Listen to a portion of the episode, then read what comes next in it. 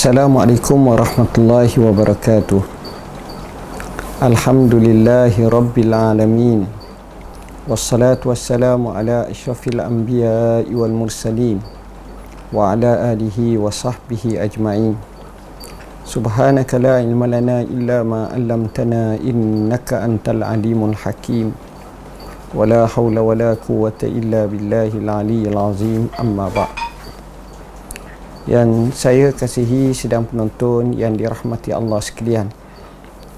Pertama dan selamanya kita rafakkan setinggi kesyukuran kepada Allah kerana dengan izinnya kita masih lagi diberi banyak kelebihan pelbagai nikmat yang tak terhitung banyaknya. Wa in ta'uddu ni'matallahi la tuhsuha.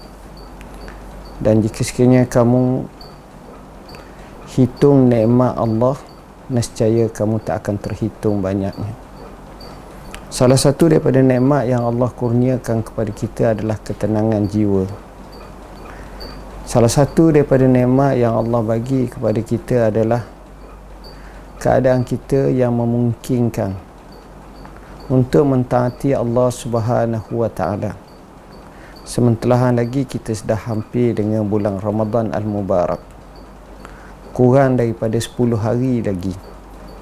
Tuan-tuan marilah sama-sama kita menginsafi bertaubat kepada Allah selalu menyebut astagfirullah wa atubu ilaih atau dengan menyebut la ilaha illa anta subhanaka inni kuntu minaz zalimin serta banyak zikir-zikir banyak ucapan-ucapan yang dipuji oleh Allah yang mana memberi kekuatan kepada jiwa kita dan ketenangan lebih besar daripada itu mendapat keredaan Allah dan diberi pahala oleh Allah Subhanahu wa taala. Bermula malam ni sampailah kepada malam Ramadan saya nak mentajukkan perbincangan pada malam ni adalah dengan tajuk yang kita namakan sebagai murajaah murajaah Ramadan dan fiqh siam murajaah berkenaan dengan Ramadan dan juga berkenaan dengan fiqh yang terwujud dalam puasa itu tujuannya tak lain tak bukan kerana kita nak menghadapi ibadat puasa dengan penuh makrifah dan ilmu. Supaya kita buat dan lakukan ibadat puasa dan kita masuk Ramadan di mana kita mengharapkan kita akan diperbanyakkan untuk pahala di sisi Allah Subhanahu wa taala.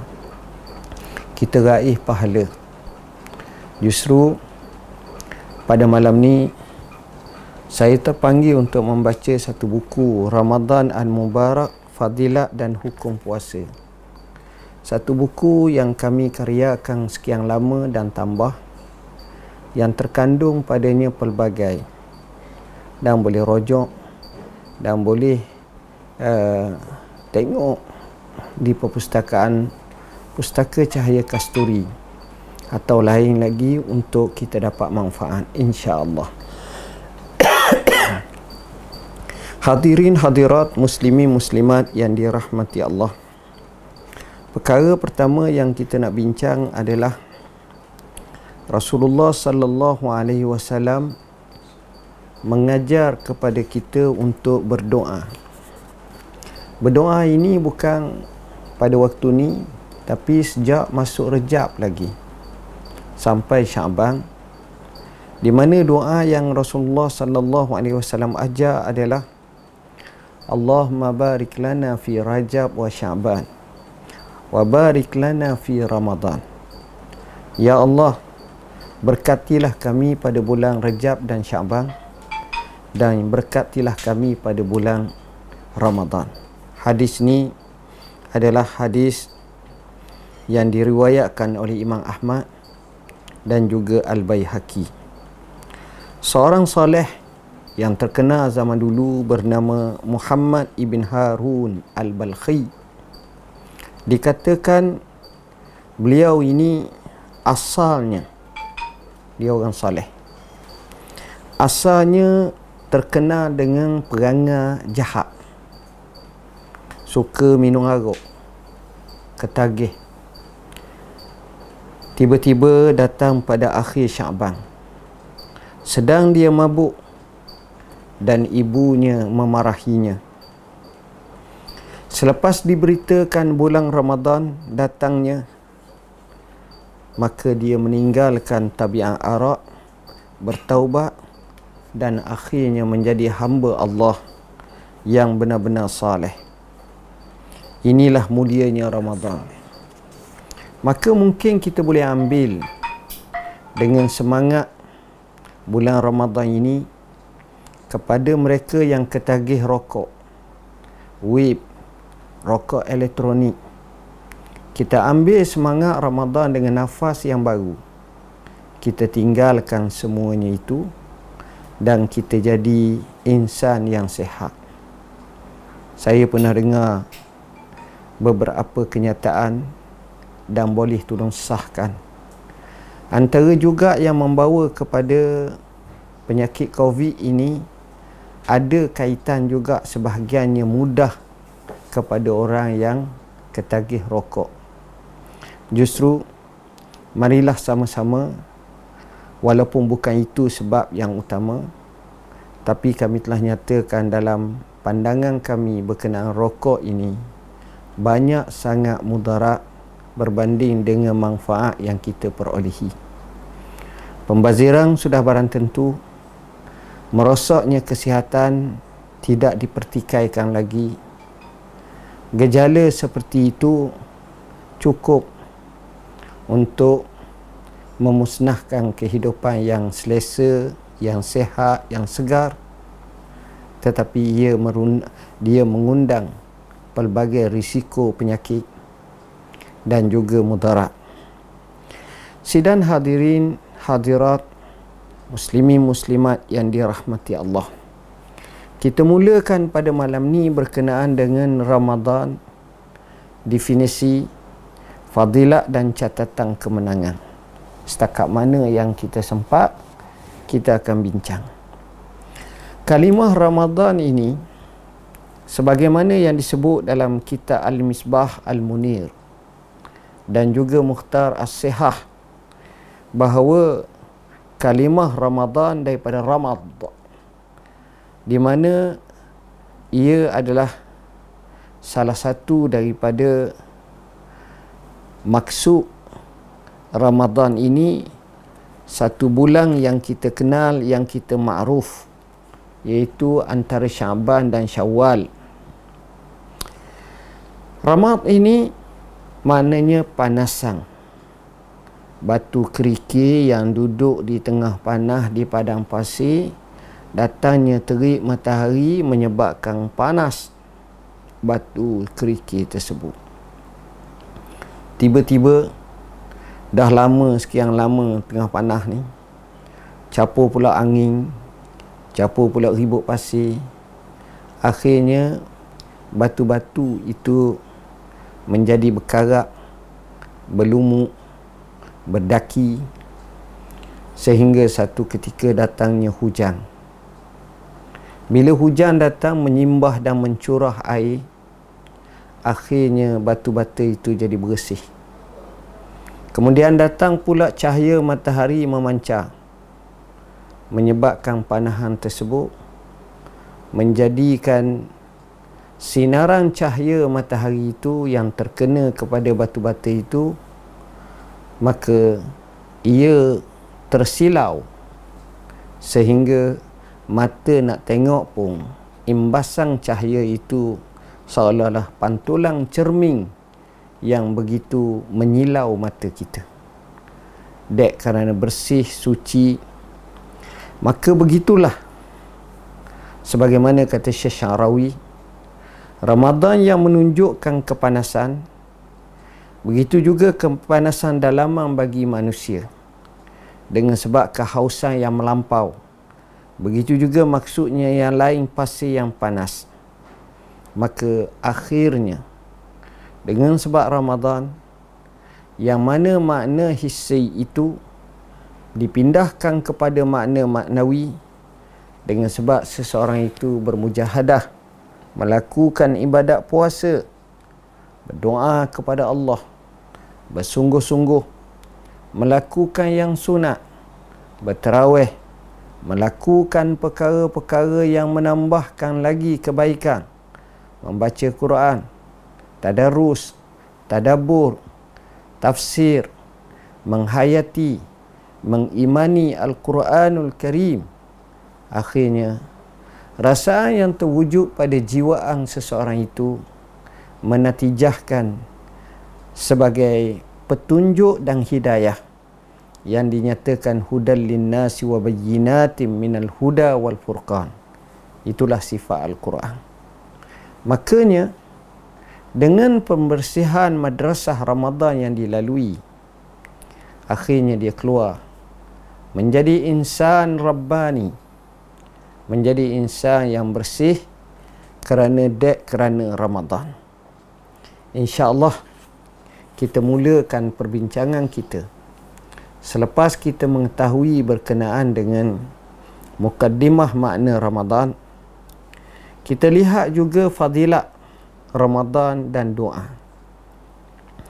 Pertama daripada hadis Anas bin Malik Rasulullah sallallahu alaihi wasallam berdoa sebaik sahaja datangnya bulan Rejab lagi. Allahumma barik lana fi Rajab wa Sya'ban wa barik lana fi Ramadan. Hadis ni kami telah terjemahkan tadi. Hadis riwayat Imam Ahmad dan juga Imam Al-Baihaqi. Hadis yang kedua bila malam itu malam Ramadan kita tengok anak bulan sebagaimana Talhah bin Ubaidillah menyatakan bahawa Rasulullah sallallahu alaihi wasallam berdoa bila bila melihat anak bulan Ramadan. Yang ini kita kena amalkan. Bila malam diumumkan anak bulan nampak, maka kita bacalah doa. Allahumma ahillahu alaina bil yumni wal iman was salamati wal islam rabbi wa rabbuka Allah Ya Allah, naungilah kami dengan keamanan dan keimanan serta keberkatan, keselamatan dan kesejahteraan serta Islam.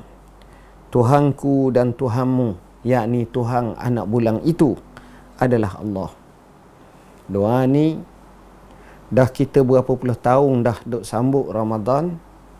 Apakah kita baca doa ini? Pendek. Allahumma ahillahu alaina bil yumni wal iman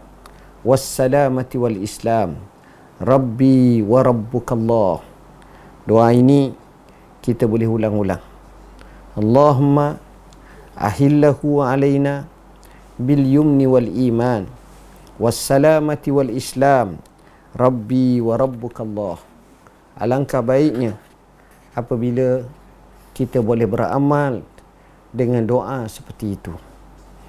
Begitu juga seperti hari-hari ini. Hari-hari ini maksud saya hari sebelum datangnya Ramadan. Bila belum datangnya Ramadan, apa yang kita nak lakukan? Kita boleh lakukan antaranya adalah baca doa. Ni 20 berapa rejab, 20 berapa syabang ni contohnya dekat dah nak Ramadan salah satu doa yang kita hendaklah baca. Sebagaimana ramai salafus salih yang membacanya. Kerana nak dapatkan Ramadan. Iaitu Allahumma sallimni li Ramadan. Wa sallim Ramadan li wa tasallamhu minni mutaqabbala. Ya Allah Sejahterakanlah aku sehingga datangnya bulan Ramadan. Sejahterakanlah Ramadan itu bagiku dan terimalah dariku ibadat pada bulan itu. Ya Allah, sejahteralah bagiku bagi bulan Ramadan dan sejahteralah Ramadan untukku dan terimalah dariku ibadat pada bulan Ramadan. Apa maknanya tuan-tuan? Hadis ini ada kata riwayat yang daif daripada At-Tabarani dan Ad-Dailami. ada kata ini adalah doa salafus salih berdasarkan riwayat yang dikatakan itu. Tapi maknanya tak salah cuma cukup menarik. Bila dia ajar Allah masallimni li Ramadan. Ya Allah sejahterakanlah aku sehingga datangnya bulan Ramadan. Maknanya kita nak masuk bulan Ramadan kita harap bila sampai bulan Ramadan dan kita berada pada bulan Ramadan kita sejahtera. Kita sihat kita tak sakit kita tak demam kita tidak kena COVID-19 walaiyazabillah kita tak kena penyakit yang menggerungkan kita nak kita masuk Ramadan dengan tubuh badan kita yang sihat Kenapa? Kerana ini adalah peluang untuk kita beramal dan beribadat. Tapi orang sakit macam mana tuan-tuan? Bertarung dengan penyakitnya itu menyebabkan tumpuan untuk ibadat kadang-kadang hilang separuh bahkan kadang-kadang amat-amat banyak. Atas asas itulah kita kena ingat kita kena doa ke Allah biar Allah jadikan kita sehat sejahtera. Masuk Ramadan ini dalam keadaan siap siaga. Bayangkan orang yang pergi duduk di hospital. Orang yang sakit waliyazabillah macam mana keadaannya? Dan selamatlah Ramadan untukku. Ini yang kedua apa makna selamatlah Ramadan untukku Ramadan sendiri pun kita minta selamat. Apa makna? Allah tak jadi kita sakit. Allah sihatkan kita. Tapi Ramadan yang ada tempat kita ini menyebabkan kita tak selamat. Contoh, setengah sahabat-sahabat kita di tempat yang mana berlaku peperangan sedara atau apa-apa pertempuran. Walaupun tubuh sihat nak ke masjid pun tak boleh. Dalam keadaan ni pun susah. Dan kita doa kepada Allah. Mudah-mudahan wabak COVID-19 ini Allah angkat. Allah sembuhkan penyakit orang yang sakit. Allah angkat sebarang bentuk wabak ini.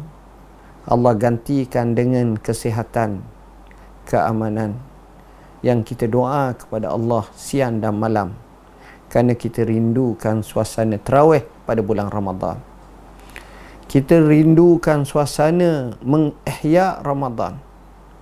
Maka semuanya itu dapat dilakukan jika sekiranya keadaan pulih dengan sebaiknya. Justru munajatlah, doalah, adulah kita semua kepada Allah.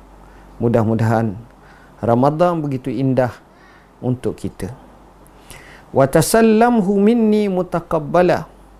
Ya Allah, terimalah dariku ibadat pada bulan Ramadan itu. Dahlah kita sihat, kita baik. Ramadan yang berada di tempat kita juga memungkinkan kita ibadat kepada Allah dengan tenang, dengan baik, dengan selesa. Makanya kita harap dengan kedua-dua itu dan kita zahirkan ubudiyah kita kepada Allah melayakkan kita mendapat penerimaan daripada Allah. Allah terima dan Allah makbulkan doa kita. Allah jadikan apa yang kita lakukan itu dalam mizan hasanat kita. Pada hari yang dinyatakan Allah yauma la yanfa'u malun wala banun illa man atallaha biqalbin salim. Hari yang tak mungkin memberi manfaat oleh harta benda dan anak pinak. Hanya yang datang menghadap Allah dengan hati yang sejahtera. Hadirin hadirat yang dirahmati Allah. Menariknya bulan Ramadan ini disebut dalam Al-Quranul Karim dengan kalimah syahru Syahrul Ramadan allazi unzila fihi al-Quran. Bulan Ramadan. Walaupun ada khilaf ulama boleh tak sebut Ramadan ataupun kena sebut bulan Ramadan. adalah perbahasan dari segi fiqahnya dari segi hadisnya tapi yang masyhur menyatakan boleh berdasarkan kepada riwayat Bukhari dan Muslim dan lain lagi bila Nabi sebut iza jaa Ramadan bila datangnya Ramadan Hadirin hadirat yang dirahmati Allah. Soalan seterusnya ialah apakah dia keistimewaan Ramadan? Maka di sini satu hadis yang diriwayatkan oleh Abu Hurairah radhiyallahu an.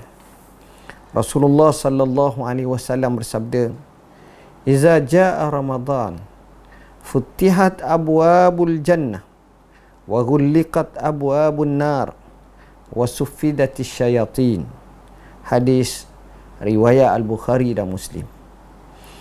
Apabila menjelmanya Ramadan al-Mubarak nescaya dibuka pintu-pintu syurga ditutup pintu-pintu neraka dan syaitan-syaitan dibelenggu apakah maksud hadis ini Al-Qadhi Iyad berkata boleh ditafsirkan secara zahir dan hakikat yang nyata yang mana pintu-pintu syurga memang dibuka Pintu-pintu neraka memang ditutup.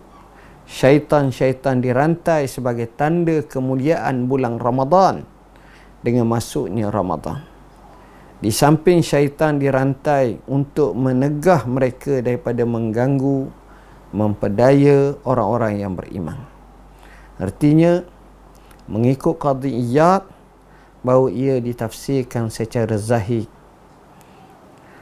Kalau tafsir secara ini perkara yang mungkin kita dapat mengambil hukumnya adalah atau faedah serta pengenalannya adalah syurga dan neraka sudah wujud. Kerana bahasa yang menyebut iza jaa ramadan futihat abwabul jannah wa ghulliqat abwabun nar. Bila datang ramadan telah dibuka pintu-pintu syurga maknanya syurga tu ada lah dan neraka tu ada. Ibn Hajar Al-Haytami rahimahullah dalam kitabnya Ithaf Ahlul Islam bi khususiyati as-siyam menyebut dia ambil daripada hadis ini bahawa pintu syurga dibuka dan pintu neraka ditutup mengikut hakikatnya sama juga sebagaimana kata Al-Qadhi Iyad ini untuk menggambarkan kepada malaikat dan lainnya berkenaan bulan Ramadan dan pahalanya. Hebat.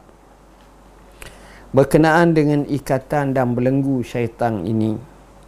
Termasuk hakikat demikian pada kebanyakan masa atau secara majaz kinayah daripada menahan perbuatan jahat dan tipu daya kepada manusia.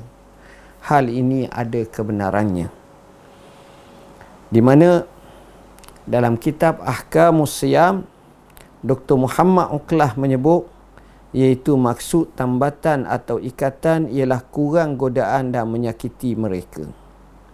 Tuan-tuan dan puan-puan yang dirahmati Allah.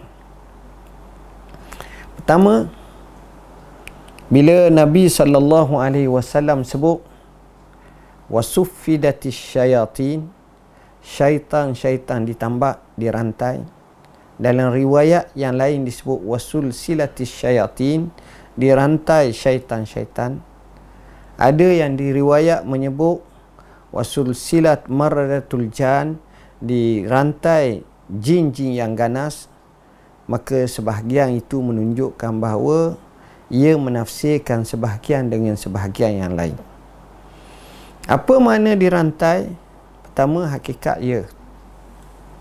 Kedua dirantai dengan mana semangat untuk buat ibadat untuk buat maksiat hasil daripada puasa yang kita lakukan itu menjadi benteng menyebabkan kita tak terpedaya dengan syaitan dan iblis.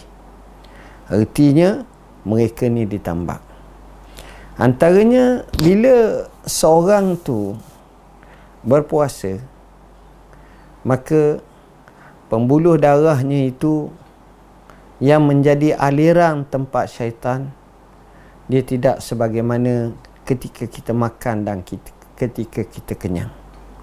Sebab itu dalam hadis menyebut inna syaitan yajri min ibni adam majrad dam fadayyiku majariyahu bilju' sesungguhnya syaitan berjalari pada pembuluh-pembuluh anak Adam ni pembuluh darah sebagaimana mengikut aliran darah maka hendaklah kamu sempitkannya dengan lapar yakni kamu berpuasa.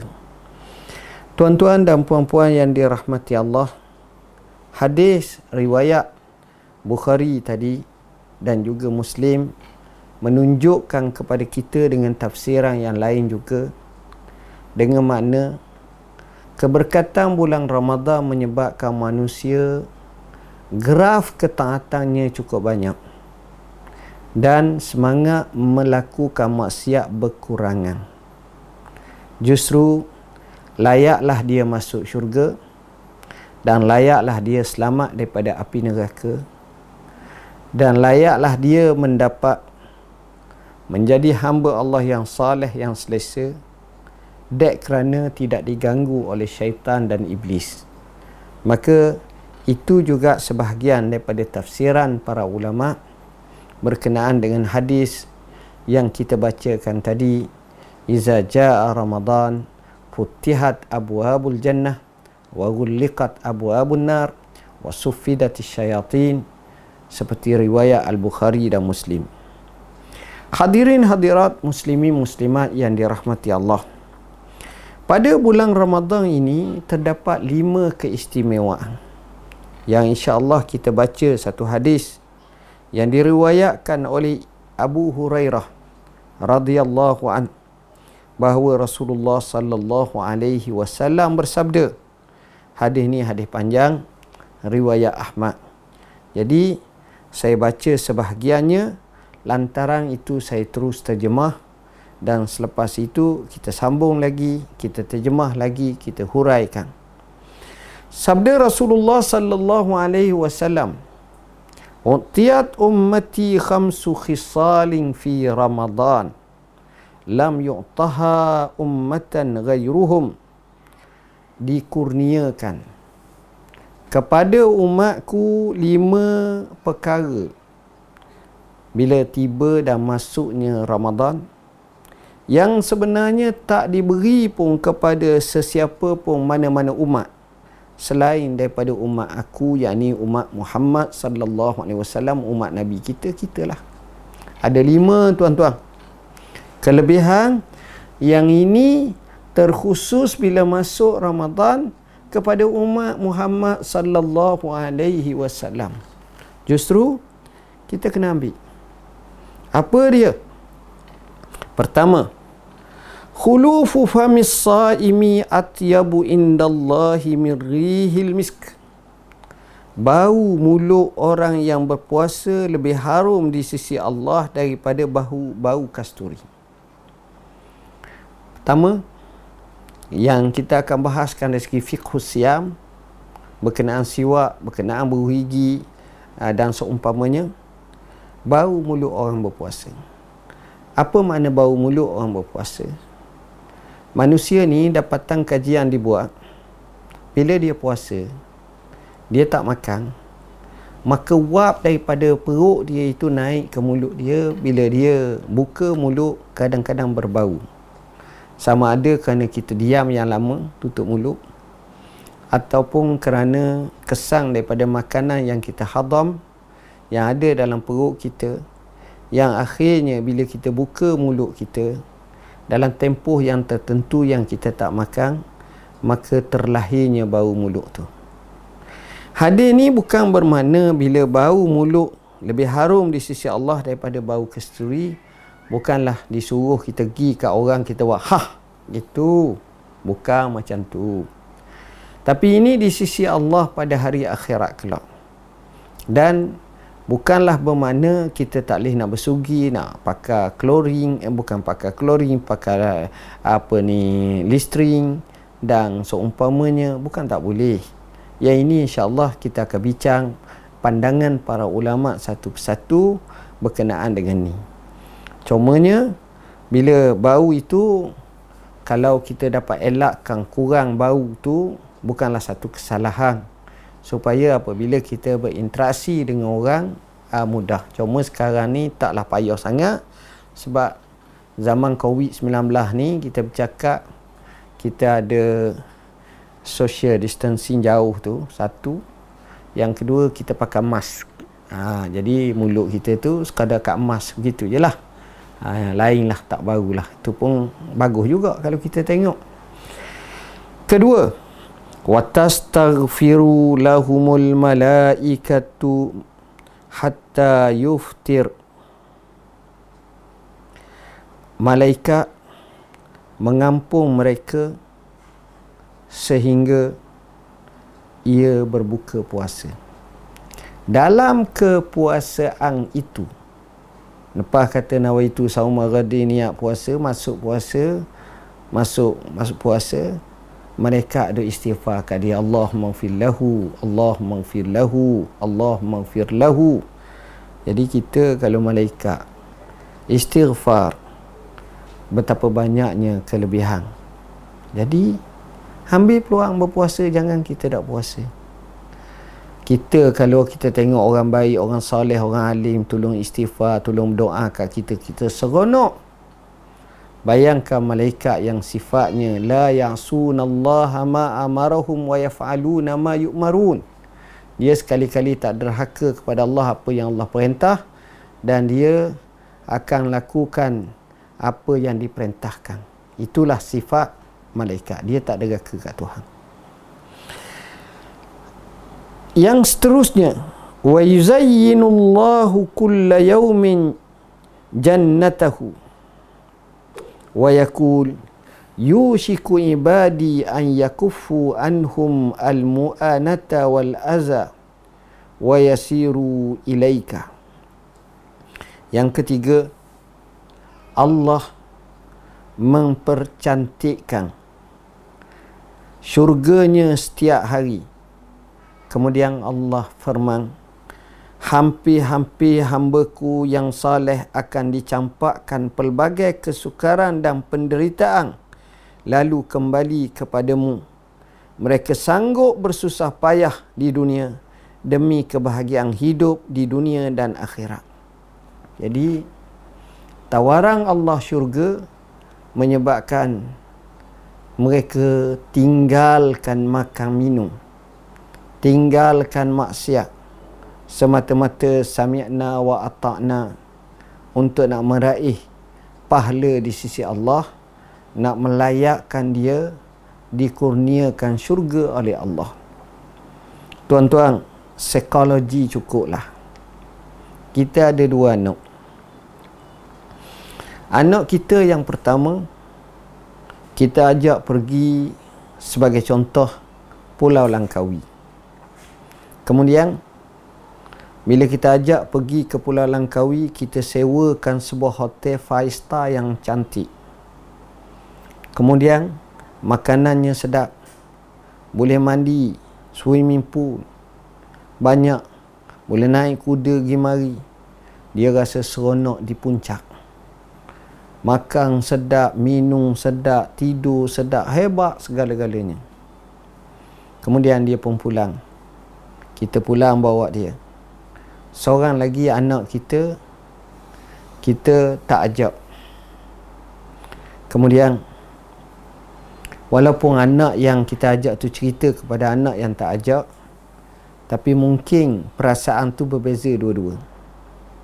Lantas satu hari kita berkata kepada anak kita berdua wahai anakku berdua kalau kamu berjaya dalam peperiksaan dengan cemerlang, Abah akan hadiahkan kamu pergi ke Pulau Langkawi, duduk di hotel five star dan banyak kelebihan-kelebihannya. Maka kita dapati anak kita yang telah kita ajak bersungguh-sungguh untuk mentahkikkan kejayaan kerana nak pergi ke pulau tersebut. Pulau Langkawi. Tapi anak kita yang tak pernah pergi, dengar sahaja kita cakap dia belajar tapi tak bersungguh. Dek kerana dia rasa perkara tu mungkin main-main je. Mungkin biasa alah. Biasa je lah. Tanpa sebarang jaminan kekukuhan dan seumpamanya tak tak ada apa. Kenapa tuan-tuan? Kerana disitulah orang yang makrifah. Orang yang kenal orang yang faham kesungguhannya berbeza dengan orang yang tak tahu kurang makrifah dan kurang faham. Yang keempat kata Nabi sallallahu alaihi wasallam wa yusfadu fihi maradatus syayatin fala yakhlisuna fihi ila ma kanu yakhlisuna ilaihi fi ghairi syaitan dibelanggu tidak dibiarkan lepas seperti bulan lain selain Ramadan. Bulan lain syaitan ni bebas. Tapi datang Ramadan. Ha, saya duk perhati bulan Ramadan ni tuan-tuan. Ada orang tu dia tak sedekah. Tapi bulan Ramadan dia sedekah banyak. Ada orang tu bulan lain dia tak pergi semayang. Semayang syak, semayang, uh, semayang apa-apa. Tapi bulan Ramadan dia pergi ke surau, ke masjid kapung dia. Oh, sungguh bulan Ramadan. Ha, itu kesan bulan Ramadan ni pelik.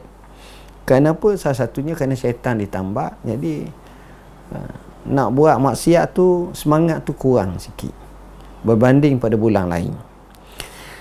Yang kelima wa yughfar lahum fi akhir lailatin fi faqila lahu ya rasulullah ahya lailatul qadar qala la walakinnal amila innama yuwaffa ajruhu iza qada amalah maksudnya yang kelima mereka akan mendapat keampunan pada akhir malam. Ini bagi orang yang beramal. Artinya setiap akhir malam setiap akhir malamnya maknanya kalau malam pertama akhir malam tu dapat dah keampunan Allah. Lalu sahabat bertanya apakah ini hanya berlaku pada malam qadar? Malam itu qadar je? Jawab Nabi sallallahu alaihi wasallam tidak. Tetapi orang yang melakukan kebaikan sesungguhnya akan diberi pahalanya ditunaikan pahalanya apabila selesai dia beramal dah dia selesai dah semayang tahajud semayang witir semayang apa maka layaklah dia mendapat pahala di sisi Allah Subhanahu wa taala. Tuan-tuan dan puan-puan yang dirahmati Allah ini jelas menunjukkan kepada kita betapa besarnya pahala pada bulan Ramadan ini dan Ramadan itu sendiri. Kalau kita tengok Ramadan itu sendiri mempunyai banyak kelebihan. Antaranya ialah katakan kalau kita beribadat kita tawaf kita umrah pada bulan Ramadan apa yang kita dapat hasil daripada kita tawaf pada bulan Ramadan itu? Rasulullah sallallahu alaihi wasallam bersabda dalam hadis riwayat Ibnu Abbasin umratun fi Ramadan ta'dilu bi hajjatin aw qal haji ma'i Melaksanakan umrah pada bulan Ramadan menyamai haji atau dalam satu riwayat lain mengerjakan haji bersamaku.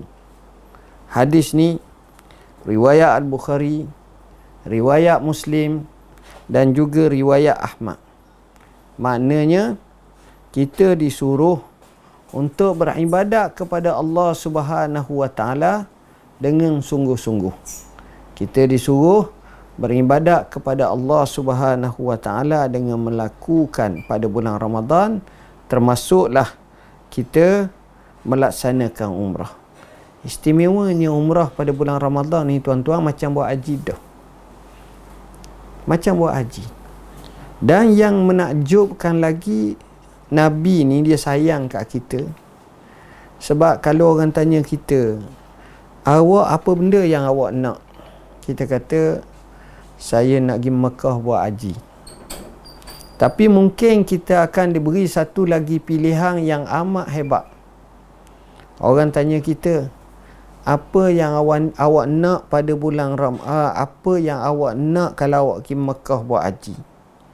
Kita jawab, saya nak kalau boleh saya pergi Mekah dengan tok guru saya. Dengan guru ni. Dengan apa ni tok alim ni. Dengan tok imam ni kita akan rasa seronok. Dengan syekh ni dengan syekh tu. Dan kalau kita pergi Mekah kita tanya pula orang lepas tu kau pergi Mekah ya pergi kau pergi dengan siapa? Kata pergi gitulah pakar biasa. Aku Alhamdulillah boleh pergi dengan Tok Guru ni dia bimbing A to Z. Daripada awal sampai lepas balik oh seronoknya pergi Mekah. Ni kita cerita Tok Guru.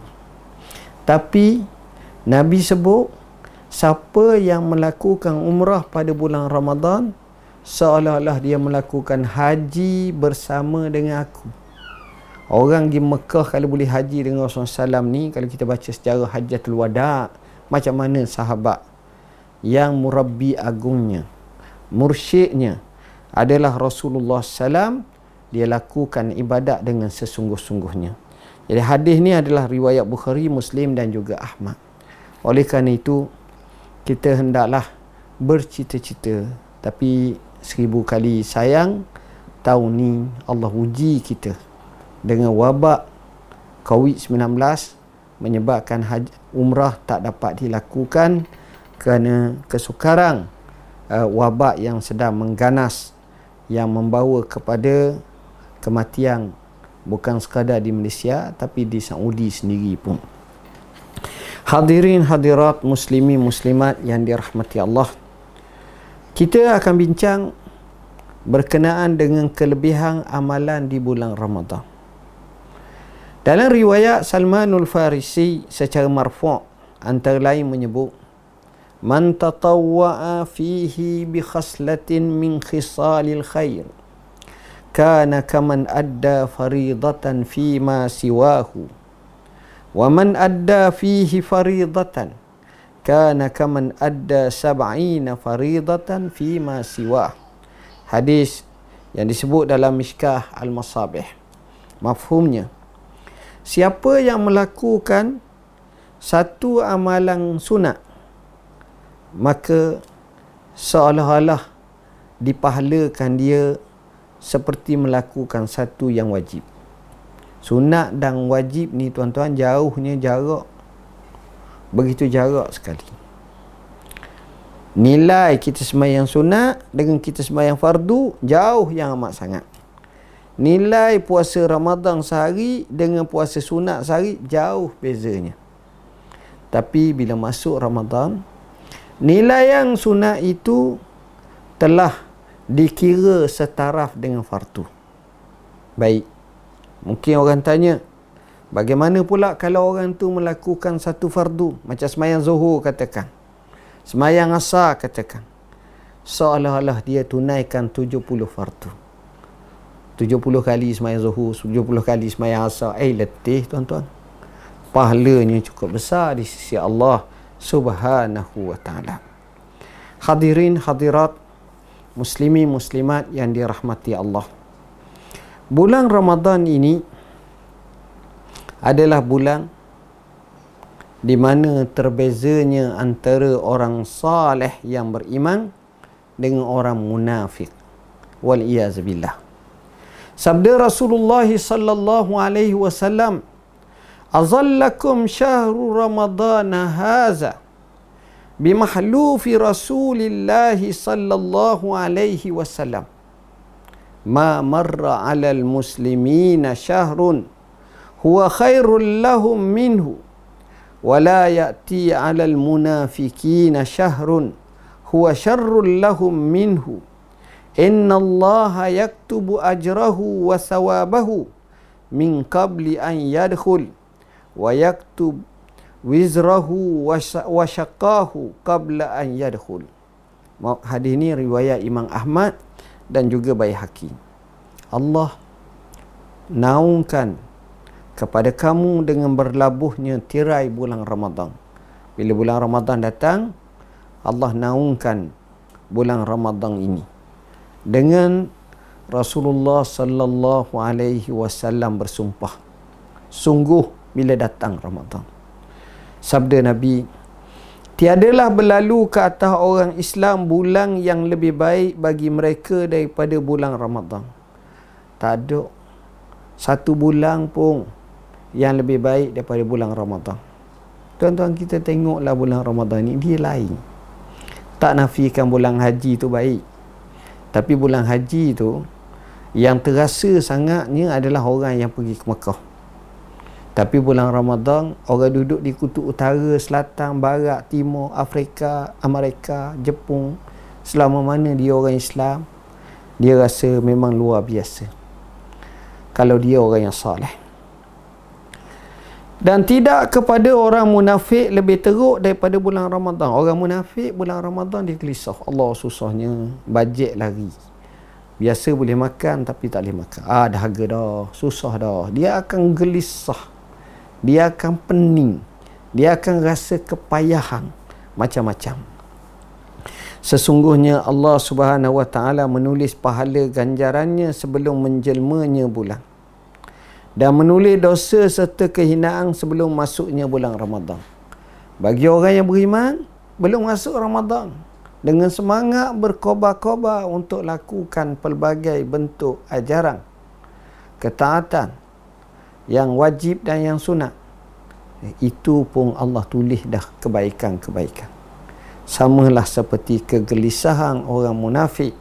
Bila nak masuknya Ramadan kesukaran dalam hidupnya maka dosa dan kehinaan juga berlaku kepadanya.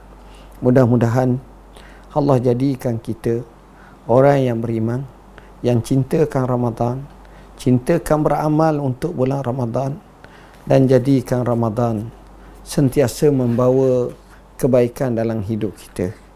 Jadilah Ramadan pada kali ini lebih baik daripada sebelumnya. Jadilah pada bulan Ramadan kali ini adalah bulan Ramadan yang mewajahkan kita sebagai orang mukmin yang hakiki yang benar-benar mendapat dan mencapai la'allakum tattaqun mudah-mudahan kamu orang yang bertakwa kita insya-Allah sambung lagi perbincangan kita pada malam besok dengan izinnya dan kita akan teruskan lagi perbincangan bulan Ramadan ini dengan tajuk murajaah Ramadan dan juga fikih siam, fikih puasa untuk kita fahami dan kita lalui dalam hidup kita dengan lebih baik. Saya akhiri dengan doa. Bismillahirrahmanirrahim. Alhamdulillahirabbil alamin.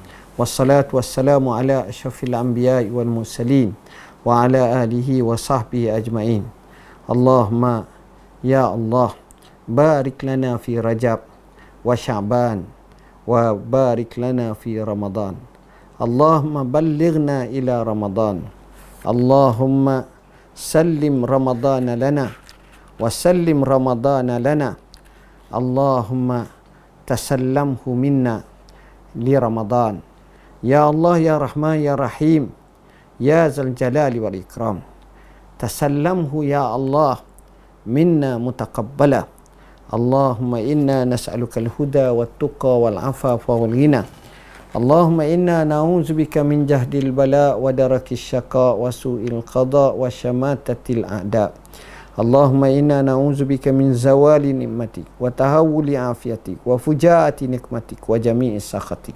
اللهم إنا نعوذ بك من كل بلاء ووباء وضيق وهم وفتنة وغم اللهم إنا نعوذ بك من البرص والجنون والجزام ومن سيء الأسقام نعوذ بكلمات الله التامات من شر ما خلق يا الله اشف مرضانا وارحم موتانا وعافي مبتلانا اللهم اشف مرضانا وارحم موتانا وعافي مبتلانا اللهم اشف مرضانا وارحم موتانا وعافي مبتلانا اللهم ربنا عليك توكلنا وإليك أنبنا وإليك المصير اللهم ربنا آتنا في الدنيا حسنة وفي الآخرة حسنة وقنا عذاب النار وأدخلنا الجنة مع الأبرار يا عزيز يا غفار يا رب العالمين وصلى الله على سيدنا محمد وعلى آله وصحبه وسلم والحمد لله رب العالمين والسلام عليكم warahmatullahi wabarakatuh